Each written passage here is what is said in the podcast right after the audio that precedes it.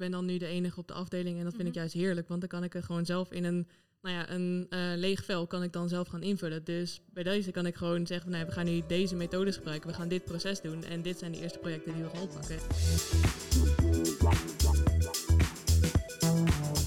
Welkom bij de podcast van UX People, het carrière- en educatieplatform voor UX professionals. We gaan in gesprek met startende en ervaren UX-designers om te leren van hun ontwikkelingen en uitdagingen binnen dit mooie vakgebied. Mijn naam is Jolijn En mijn naam is Noella. en wij zijn jullie host voor vandaag. In deze aflevering is een onderdeel van een serie Werk erbij, waarin we leren hoe het is om bij verschillende typen bedrijven te werken ehm, als designer, als UX-designer. En we hebben al twee afleveringen gehad, hoe het is om te werken bij een agency en hoe het is om te werken als freelancer. En vandaag gaan we in gesprek met twee designers die werkzaam zijn bij een corporate bedrijf. Aan tafel hebben we zitten. Paul van Beers, En Roosmarijn Visser, En Roosmarijn Visser, welkom. dankjewel. dank je. Ja, dankjewel. Leuk dat jullie er zijn vandaag. Eh, we willen jullie eigenlijk eerst even heel snel eh, leren kennen. Dus ik ga straks eh, tien stellingen heel snel aan jullie doorgeven. En dan wijs ik een van jullie aan. Ehm, en dan ben ik heel erg benieuwd wat het beste bij jou past. Als je moet kiezen tussen Sketch, Figma of Adobe XD, wat zou je dan kiezen? Sketch, Figma, Thuis of op kantoor werken? kantoor, thuis, Een potlood of een Sharpie? Sharpie, potlood, Zittend of staand werken? staand, zittend, Hmm. Eh, een teamplayer of zelfstandig werken? team, team, Eh, analoog schetsen, of gewoon schetsen natuurlijk, of digitaal werken?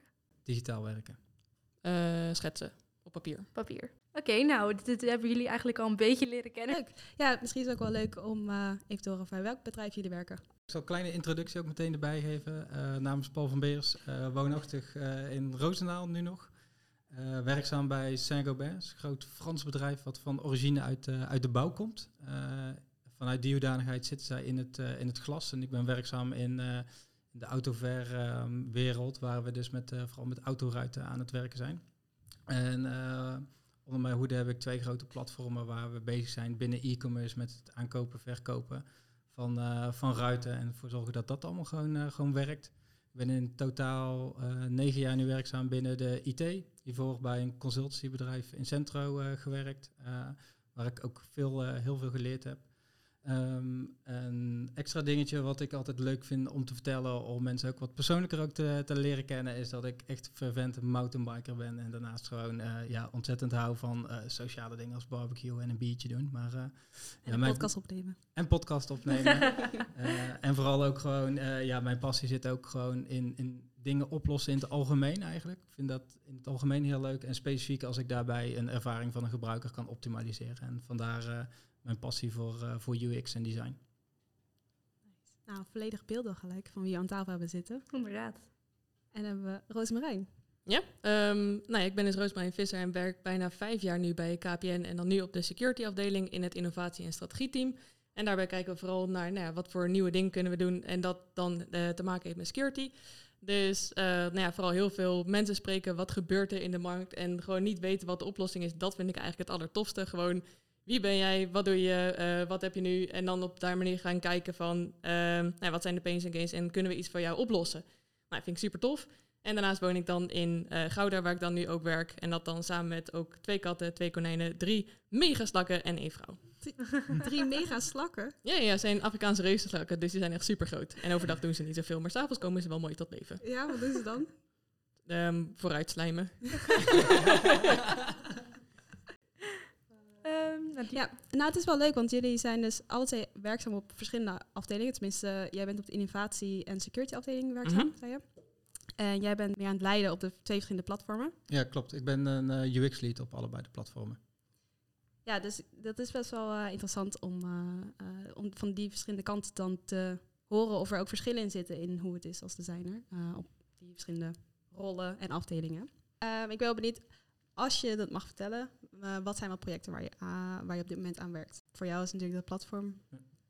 Maar Ehm, ja, wat, eh, wat voor ik soort denk, project is het? ja, zonder proberen al te veel in al te veel details te treden, omdat het anders eh, niet dat ik het denk ik niet mag vertellen, maar dat het te complex wordt, meestal voor degene die aan het luisteren is. Ehm, wat wij eigenlijk aan het doen zijn, en dan ga ik het proberen te vertalen naar, naar Nederlandse termen en Nederlandse klanten, om het denk ik iets makkelijker te maken. Eh, we zijn bezig met een platform eh, waarin wij dus eigenlijk eh, vooral autoruiten faciliteren. Waarin we bijvoorbeeld, als we in Nederland kijken, bijvoorbeeld dat jij als gebruiker rijdt naar de carglass. Jij laat daar jouw ruit of vervangen of repareren. En dan uiteindelijk moeten we ervoor zorgen dat jij dat mag doen. Dus de verzekeraar, bijvoorbeeld een Unive, die moet jou eerst goedkeuring geven. En vervolgens gaat Unive bijvoorbeeld jouw factuur betalen als jij daar een bepaalde polis voor hebt. En in plaats van dat wij eh, ervoor laten zorgen dat Carglass en eh Unive in dit geval eh, zelf met elkaar gaan praten, maken wij een platform dat je bij ons eh, je vooruit bestelt en vervolgens ook meteen de factuur aan kan maken. En dat wij de factuur ook naar, naar in dit geval naar Unive ook sturen. Dus wij proberen eigenlijk het hele proces van het in eerste instantie informatie verzamelen, een ruit bestellen, een ruit vervangen of, of repareren en vervolgens de factuur versturen. Dat we dat als geheel zeg maar eh, faciliteren eh, op één platform waar dus eigenlijk meerdere eindgebruikers eh, op werken. En dat proberen we zo, ja, zo ehm, vriendelijk mogelijk natuurlijk te maken voor alle verschillende rollen en gebruikers die wij op dat platform hebben. Dus dat is eigenlijk in een notendop wat we doen. En daarin zitten dus best nog wel veel details die soms vrij, vrij complex zijn. Maar ja, die, die plooien die proberen wij allemaal glad te strijken binnen, binnen het platform. Interessant. Ook wel cool om een keertje dat eh, te horen zo. Ja, Dus denk ik iets heel anders dan waar jij je mee bezighoudt. Ja, ja, ja. nou, bij, eh, bij mij is het nog een stuk minder tastbaarder, want ik zit dus echt gewoon nog helemaal in de exploratieve fase. Dus daar is echt gewoon heel veel nog, nou ja, gebruikers interviewen, dat opzetten, kwalitatief onderzoek doen, kwantitatief onderzoek. Ehm, nou ja, kijken wat er in de markt speelt. Nou ja, je merkt gewoon dat bij cybersecurity, dat wordt echt steeds ehm, nou ja, groter. Er komen steeds meer hackers bij die dan in dat opzicht een bedrijf eh, proberen binnen te dringen, wat je nou, best wel veel schade kan opleveren. En ook best wel Mm. veel ehm imago-schade uiteindelijk als je in het nieuws terechtkomt. En daar zijn we een beetje aan het kijken van ja, ehm, hoe kunnen we deze bedrijven helpen? Want meestal dan, nou ja, afhankelijk hoe groot het bedrijf is, daar wordt er toch niet eh, als eerst naar gekeken. Of dan heb je toch net niet het juiste product, of dan net niet goed genoeg eh, geïmplementeerd. En het is dan zo zonde als je in één keer dan na afloop nog een hele grote test moet doen, als een, een pentest bijvoorbeeld. En dan gaan ze dus kijken als een ethical hacker van, hey, hoe veilig is het product eigenlijk? Kan ik als een hacker inbreken om te kijken of ik daar data uit kan halen en dan vervolgens misbruiken en dat op de dark web te verkopen? Maar ja, dat is best wel complex. Er zijn best wel veel termen. En toen ik net op de afdeling kwam, was ik ook echt gewoon even me verdiepen van wat zijn deze termen eigenlijk? En dan ga je met ethical hackers praten. Super interessant allemaal. Ja. Die zijn ook super blij dat je eigenlijk gewoon ehm, legaal, illegale dingen mag doen en zo. Best wel sneaky gedachten hebben en zo. Eh, hele leuke gesprekken heb je daar dan daarmee. Maar ehm, daar is het dus best interessant om dan te kijken, oké, hoe kunnen we deze mensen daarin meenemen om hun, nou ja, die awareness te verhogen. Dus hoe kunnen wij ehm, de bedrijven helpen en ondersteunen dat zij straks wel de juiste pakketten hebben. Om dus, nou, je kan nooit zeggen dat je nooit meer gehackt gaat worden. Dus nou ja, 100% garantie kunnen we nooit geven. Maar we kunnen wel bepaalde dingen voorkomen. Al dan niet eerder zichtbaar maken.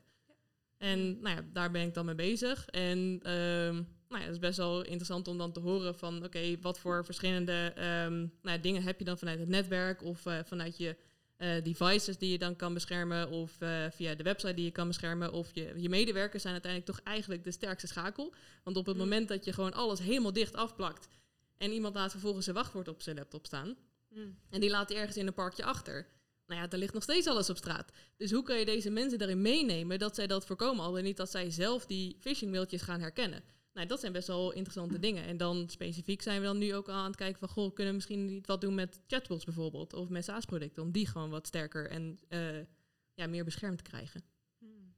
Super interessant wel. Heel interessant. Ehm, nou s- ben ik zelf wel benieuwd of jullie ook bewust hebben gekozen om te gaan werken bij een corporate in dit geval. Ehm, ja, ik in ieder geval wel. Tenminste, ik ben in het begin na mijn studie gaan kijken van ja, wat wil ik eigenlijk? Ik heb ook ehm, ja, tussen mijn eh, studietijd een paar keer voor een start-up gewerkt en dat vond ik super leuk. En toen was ik wel benieuwd van ja, hoe werkt een corporate nou eigenlijk? En ehm, ik wist het niet heel erg van tevoren, maar ik merkte wel heel erg fijn hoe fijn het is om die vrijheid te hebben. En als je een bepaalde richting op wil, dan is daar al de vrijheid voor. Dus je kan altijd groeien. Ik ken collega's die echt gewoon ehm, echt een opleiding hebben kunnen krijgen namens een bedrijf. En ook gewoon daar eh, onder werktijd gewoon hun eigen diploma kunnen halen en kunnen doorgroeien. Je kan ook heel makkelijk als je denkt, nou, ik ben hier een beetje verveeld, ga je naar een andere afdeling en ga je daar gewoon nieuwe toffe dingen doen. Dus het, het is super divers, super veel vrijheid. Ja, Mm. ideaal. Ja, ik kan me daar ook zeker bij, uh, bij aansluiten. Wat ik ook wel merk is dat uh, vaak bij de grote bedrijven zie je ook dat uh, budgetten groter zijn. vaak ook Mm. de producten of de platformen zijn over het algemeen groter. Dus er zitten ook vaak grotere en complexere uitdagingen. En daar zit voor mij weer een beetje dat, dat, dat solven van, van problems, zeg maar. Wat ik dan ook zeer, zeer interessant vind. Dus dat, dat is voor mij ook deel in een reden.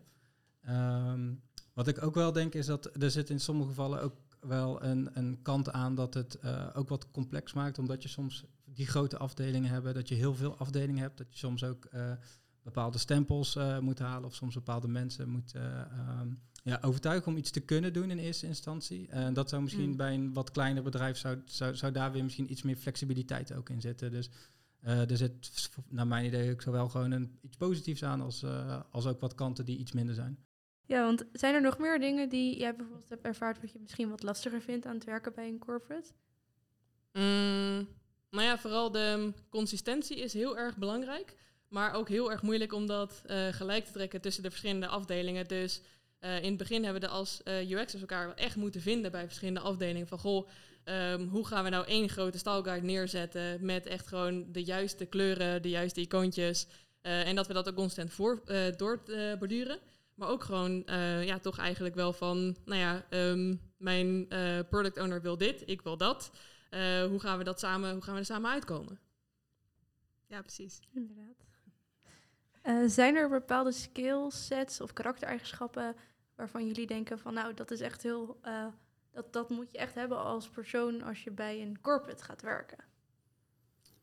Oeh, dan vind ik eerst ook eigenlijk de vraag wel interessant.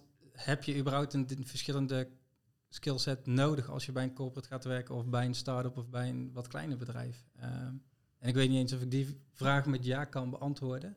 Hmm. Um, ik denk wel, ik ben dus zelf hiervoor uh, een aantal jaar consultant geweest. En nu ben ik echt gewoon een UX-designer uh, en een UX-lead zeg maar, binnen mijn team.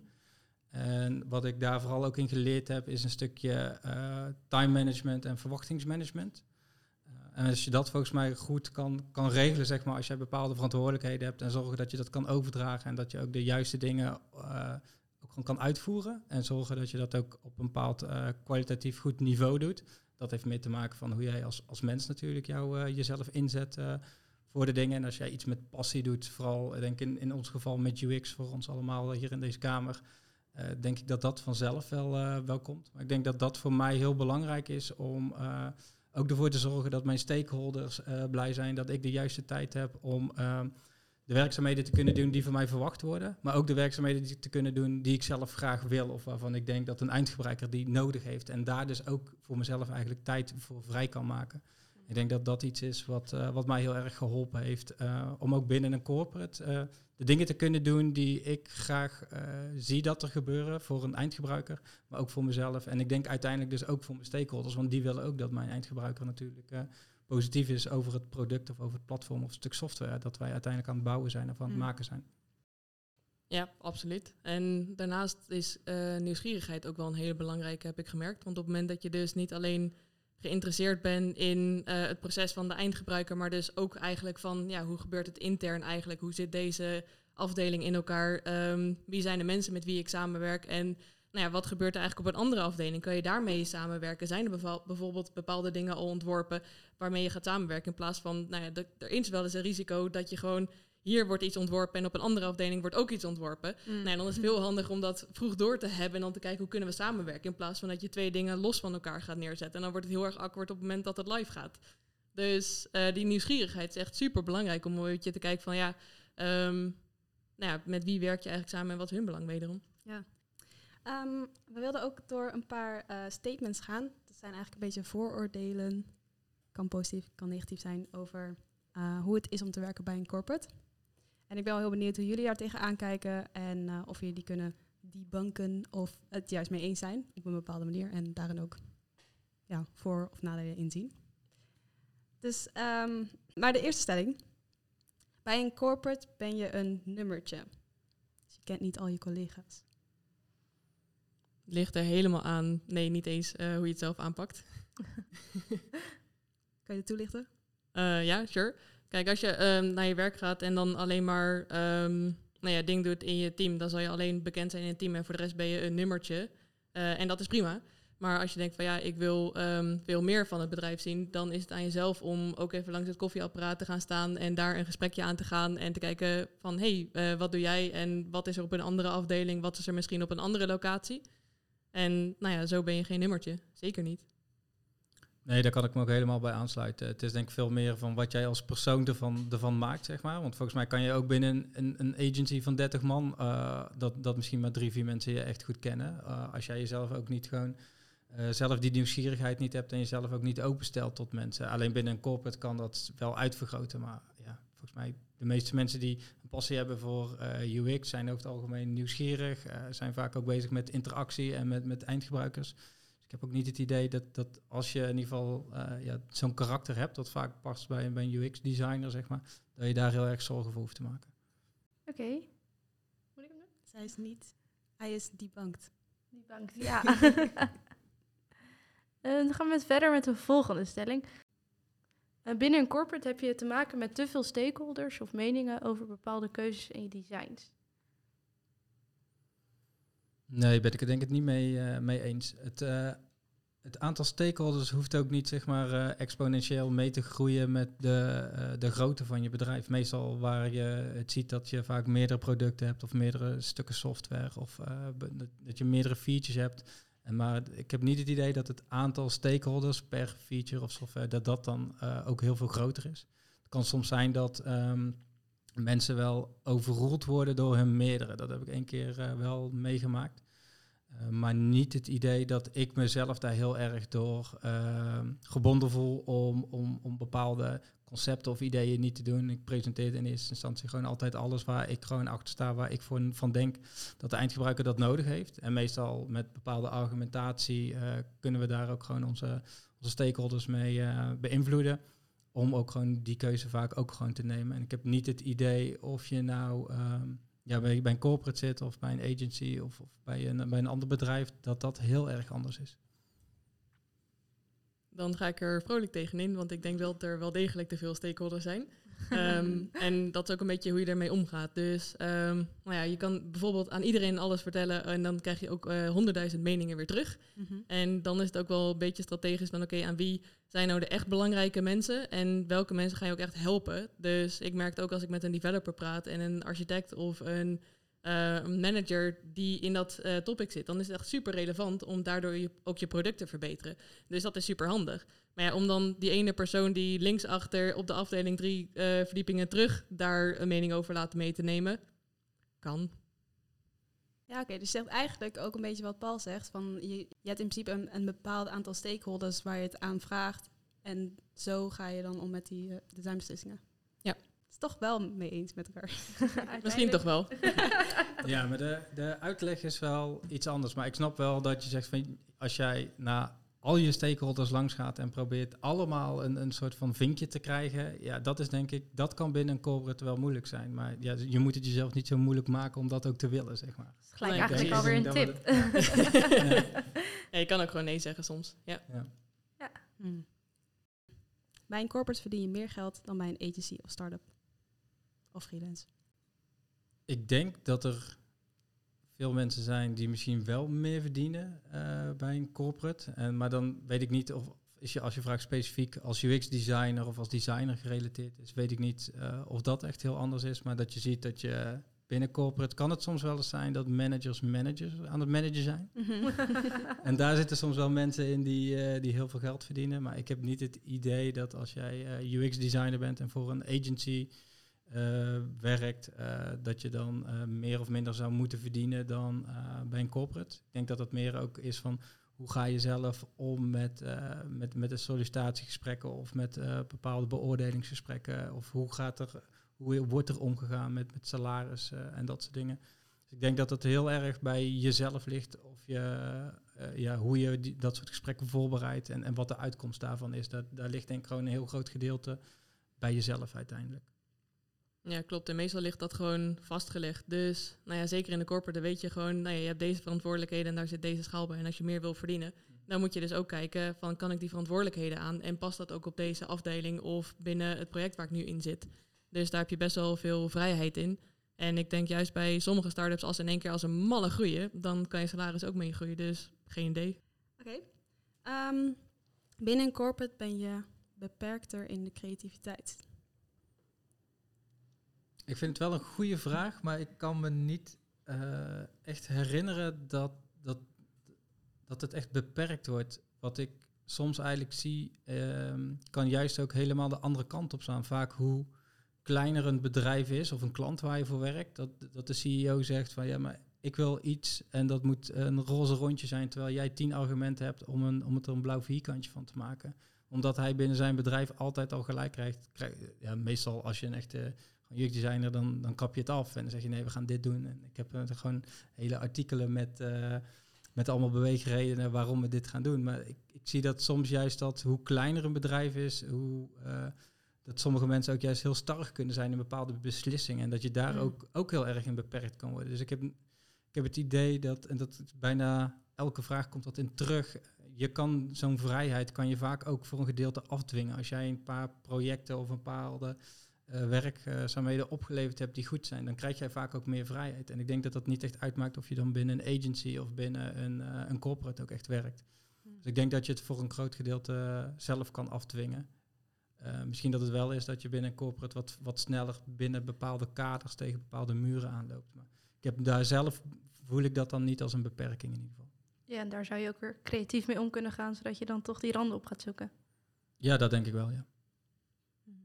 Ja, het ligt ook inderdaad een beetje aan waar je zit. Tenminste, ik ben dan nu de enige op de afdeling en dat vind mm -hmm. ik juist heerlijk, want dan kan ik er gewoon zelf in een nou ja, een uh, leeg vel kan ik dan zelf gaan invullen. Dus bij deze kan ik gewoon zeggen, van, nou, we gaan nu deze methodes gebruiken, we gaan dit proces doen en dit zijn de eerste projecten die we gaan oppakken. En zo doen we dan de onderzoeken. Mm. En dat vind ik eigenlijk ook heel fijn. Het geeft super veel vrijheid en dus ook de creativiteit van, oké, okay, hoe ga je dingen aanpakken? En dan voelt het eigenlijk weer hetzelfde als een start-up waar je ook gewoon in het begin alles een beetje moet gaan uitzoeken van, ja, hoe zit dit, hoe zit dat?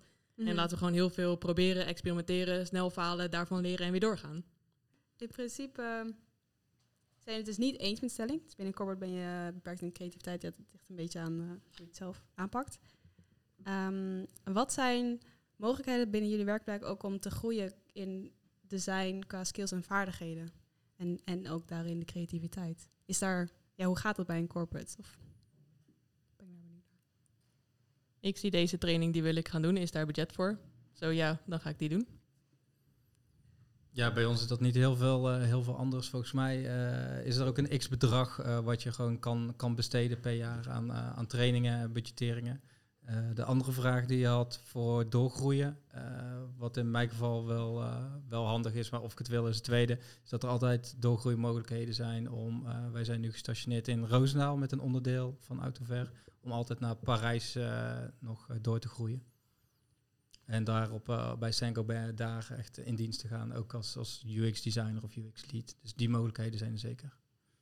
Ja, is ook een beetje um, wat je met je manager afspreekt. Want die is natuurlijk ook geïnteresseerd van ja, hoe zie jij je pad voor je, waar wil je heen gaan? Nou, en als je daar gewoon een duidelijk beeld over hebt, of in ieder geval een bepaalde interesse van goh, ik wil meer weten over bijvoorbeeld visual of interaction of research.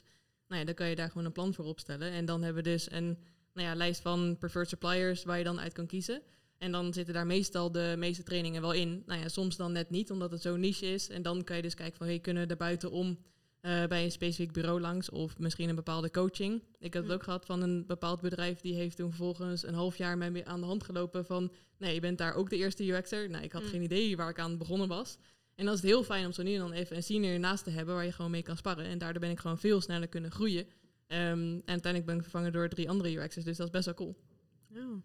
Ja, ik denk dat dat een van de, van de voordelen misschien ook weer is bij een corporate, dat dat soort dingen vaak al wel goed geregeld zijn, zeg maar. Dat is vaak ook een van de onderdelen die met sollicitatiegesprekken ook naar voren, naar voren komen, dat dat een van hun USP's is om bij hen te komen werken, omdat ze een, een soort van ontwikkelbudget hebben of trainingsbudget of uh, geef het een naampje. Uh, dus dat is er vaak wel weer bij corporates. Dus ik denk dat je dat, dat uh, zou misschien je keuze ook ja, kunnen bepalen, mocht je daar ooit, ooit voor die keuze staan in de toekomst. Als designer ben je binnen een corporate met één product bezig. Ik daar eerst antwoord op voordat ik verder ga vragen. als één product, als in één stuk software, of in ieder geval dat is het in, in ja, mijn geval heel ja. vaak. Nee, ik ben dus ook al uh, UX-lead eigenlijk voor, voor twee ja, projecten, zeg maar, uh, waar we gewoon twee platformen aan het bouwen zijn. Dus dat, dat hoeft sowieso al niet, uh, niet waar te zijn. Um, kan wel snappen dat als je binnen corporate aan grotere stukken software werkt, dat het in sommige gevallen wel zo is. Maar het hoeft in ieder geval zeker niet zo te zijn. Nee, ik ervaar het ook inderdaad dat het gewoon, je hebt altijd meerdere dingen lopen en die hebben ook gewoon een hele andere pace wanneer dan. Dus bijvoorbeeld één keer werkte dan aan een portal en dan volgens moet de backend helemaal opnieuw eh, gedaan worden of aangepast. Nou, dan moet je dus, dan kan je wel vooruit gaan werken, maar dan ga je te ver op de planning vooruit. En dan kan je beter gewoon andere designers helpen of je gaat op een ander project. En dan op die manier heb je eigenlijk gewoon en de variëteit. eh, en daar leer je ook weer hele andere dingen van. Ja, de vraag was eigenlijk nog, wordt dat dus niet na een tijdje een beetje saai? Maar ja, jullie zeggen nu allebei al van, we doen niet maar één product of we werken niet maar aan één ding. Nee, doen nog veel meer. Ja. Nee, en ik ben ook wel heel blij dat eh, in mijn geval eh, mag ik af en toe nog gewoon mee, eh, meedesignen en mee UX als UX-lead. En dat vind ik al heel leuk, maar ik vind ook überhaupt in, in, in UX-designer zijn, zeg maar, dat vind ik al zo een eh, soort van paraplu waar zoveel diverse activiteiten ook onder vallen. Dat ook al zou ik dat denk ik wel op één eh, groot traject of één groot stuk software eh, moeten doen, dan, dan zou me dat eigenlijk nog niet vervelen, ben ik bang. Dus, eh, of nou, dat ben ik niet bang. Dat is alleen maar leuk natuurlijk. Hebben jullie nog tips voor mensen die zoekende zijn naar een baan of eh, eventueel willen veranderen van een baan, maar nog niet echt weten waar ze zouden willen werken? Dus bij een agency of een freelancer of een corporate. Eh, hebben jullie toevallig nog een tip eh, die hun zou kunnen helpen bij die keuze? Of wat voor jullie eh, heeft geholpen om die keuze te maken? Nou ja, kijk gewoon in je eigen netwerk vooral. Dus ehm ken je toevallig mensen die al werken en werken die bij een agency, een corporate als ZZP'er? Wat vinden zij eraan? Wat vind- vinden, vinden zij er leuk aan? Wat vinden ze er minder aan? En past het op die manier bij jou? Ja, ik kan me daar volledig bij, eh, bij aansluiten. Als jij gewoon van mensen die jij kent, die kunnen jou oprecht een eh, beoordeling geven van wat zij eh, dagelijks aan het doen zijn. En jij kan vervolgens ook weer kijken of dat aansluit bij jouw behoeften. En ik denk dat dat heel verschillend kan zijn. Ehm, ik kan misschien bijvoorbeeld wel bedenken dat, je bijvoorbeeld niet, dat het niet handig is om te starten misschien als freelancer. Omdat het handig is dat als jij met veel collega's constant werkt, je een agency of een corporate achter je hebt, daar, kan je daar groei je zoveel van, zeg maar. En dan niet alleen op jouw ene skill als UX-designer, maar vaak ook in de breedte. Eh, soms word je misschien bij ehm, sollicitatiegesprekken eh, aangehaakt. En dan kan je in de breedte kan je daar zoveel groeien. Dus dat zou ik misschien wel in eerste instantie adviseren. Maar voor de rest, ja, volg, volg je hart en ga gewoon doen wat je zelf leuk vindt. En als je ergens een bepaalde passie voor hebt, dan komt die denk ik altijd wel tot uiting. Of dat dan binnen een agency is, of, of binnen een corporate, of, of uiteindelijk als freelancer. Dat, dat maakt denk ik dan niet heel veel uit. En het is ook niet de keuze dat je dan meteen daar de rest van je leven moet werken. Je kan altijd nog zeggen van, hé, hey, eh, dit is echt superleuk, maar uiteindelijk wil ik toch iets anders proberen. En dat kan ook gewoon. Ja, precies. Het is niet eh, gelijk eh, één bedrijf en daar tot je 67ste. nee, dat wordt ook steeds minder bij deze tijd. Het wordt steeds meer gewoon dit kijken, dat kijken. Misschien nog een jaartje ertussenuit om de wereld te bewonderen en dan weer terug. Ja. ja, precies. Nou, on that note ehm, wil ik jullie alle twee heel erg bedanken voor eh, hier zo aan tafel zitten en het delen van jullie ervaringen. Graag gedaan. Ja, was superleuk en ook eh, bedankt voor de koffie. Eh, mochten er nog mensen zijn die eh, nog vragen hebben over hoe het is om bij een corporate te werken of ehm, meer vragen hebben over hoe het is om bij de KPN te werken of bij uh, Saint-Gobain, zouden ze jullie kunnen bereiken via social media. Ja hoor, via LinkedIn. Ja, bij mij ook via LinkedIn. We zullen de ehm, linkjes ook van hun LinkedIn in de, de beschrijving zetten van de podcast, dus dan eh, kan je dat in de gaten houden. Of kan je hun via daar eh, bereiken. Dus eh, nogmaals bedankt. Dankjewel. Ehm, je kan naar UX People luisteren via Spotify, Apple Podcast en Google Podcast. Dus abonneer op het kanaal om op de hoogte te blijven wanneer een nieuwe aflevering online staat. En je kan ook eh, via Instagram, ux.people en LinkedIn ons eh, in de gaten houden. Tot de Tot de volgende volgende keer. keer.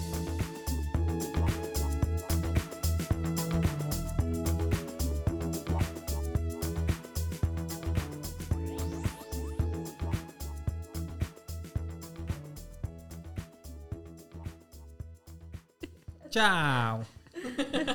Adiós.